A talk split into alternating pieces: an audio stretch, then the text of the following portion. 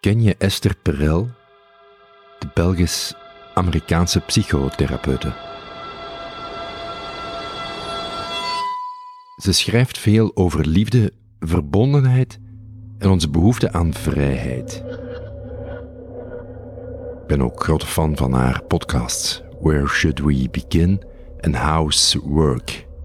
Zoek ze zeker even op. Prachtige podcast. Ik ben Raf Stevens. Je luistert naar de podcast Het Innerlijk Kompas. Ik las net een stukje van Esther Perel, waar ze spreekt over relaties, verbinding creëren en hoe belangrijk taal hierbij is. Er wordt wel eens gezegd dat we in een vreemde taal 50 woorden nodig hebben. 50 woorden om deze vreemde taal te leren spreken. Wel, volgens Esther Perel hebben we slechts zeven werkwoorden nodig. Zeven. Als we ons willen vervolmaken, zegt ze, in de taal van relaties, de taal van intimiteit.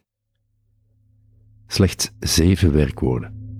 Ik geef jullie ze zo. De taal van intimiteit en relaties. Waar gaat dat over? Voor mij is dit de taal van hoe je met jezelf en anderen omgaat. Het is de taal van genegenheid, van je openstellen, dingen delen, je kwetsbaarheid tonen. Het is de taal van intimiteit. En deze taal pakken, wel, ik vind het niet altijd een makkelijke opdracht. Ik sprak erover met Karen Kelchtermans, auteur van het boek Liefde in Balans. Zie je dat ook bij anderen, dat zij daarmee worstelen om die kwetsbaarheid en die taal, mag ik zeggen, de taal van de liefde? Ja. Naar buiten te brengen? Ik vind dat wel. Er is, er is nog altijd um, oordeel op. Maatschappelijk. Op, wat, uh, op de taal, om de taal van de liefde te spreken. Hmm. Ik vind dat wel mooi, de taal van de liefde.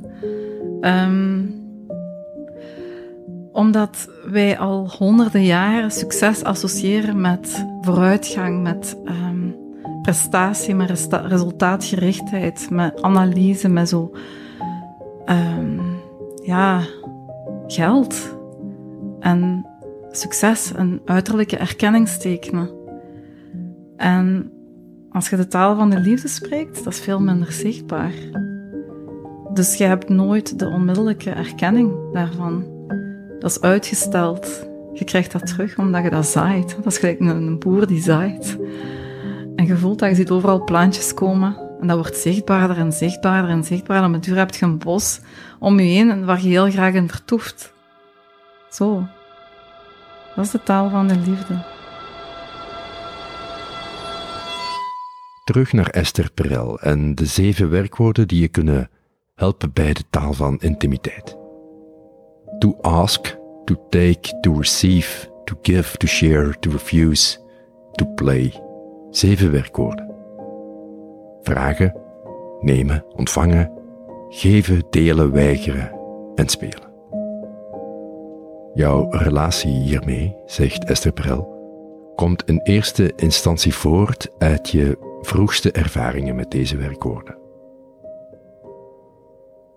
En achter elk van je ervaringen staan nieuwe vragen. Vragen die ertoe doen. Vragen die je laten zien hoe je vandaag in het leven staat als het gaat over intimiteit en relaties.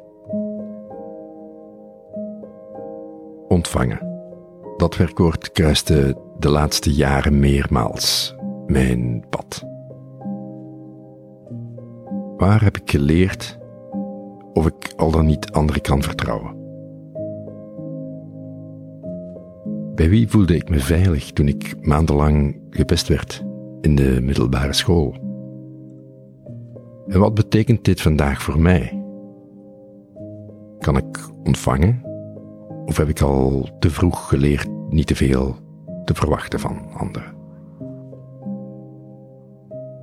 één werkwoord vele vragen. Hierbij gaat het voor mij niet alleen over inzichten. Het gaat ook niet over het oplossen van deze vragen.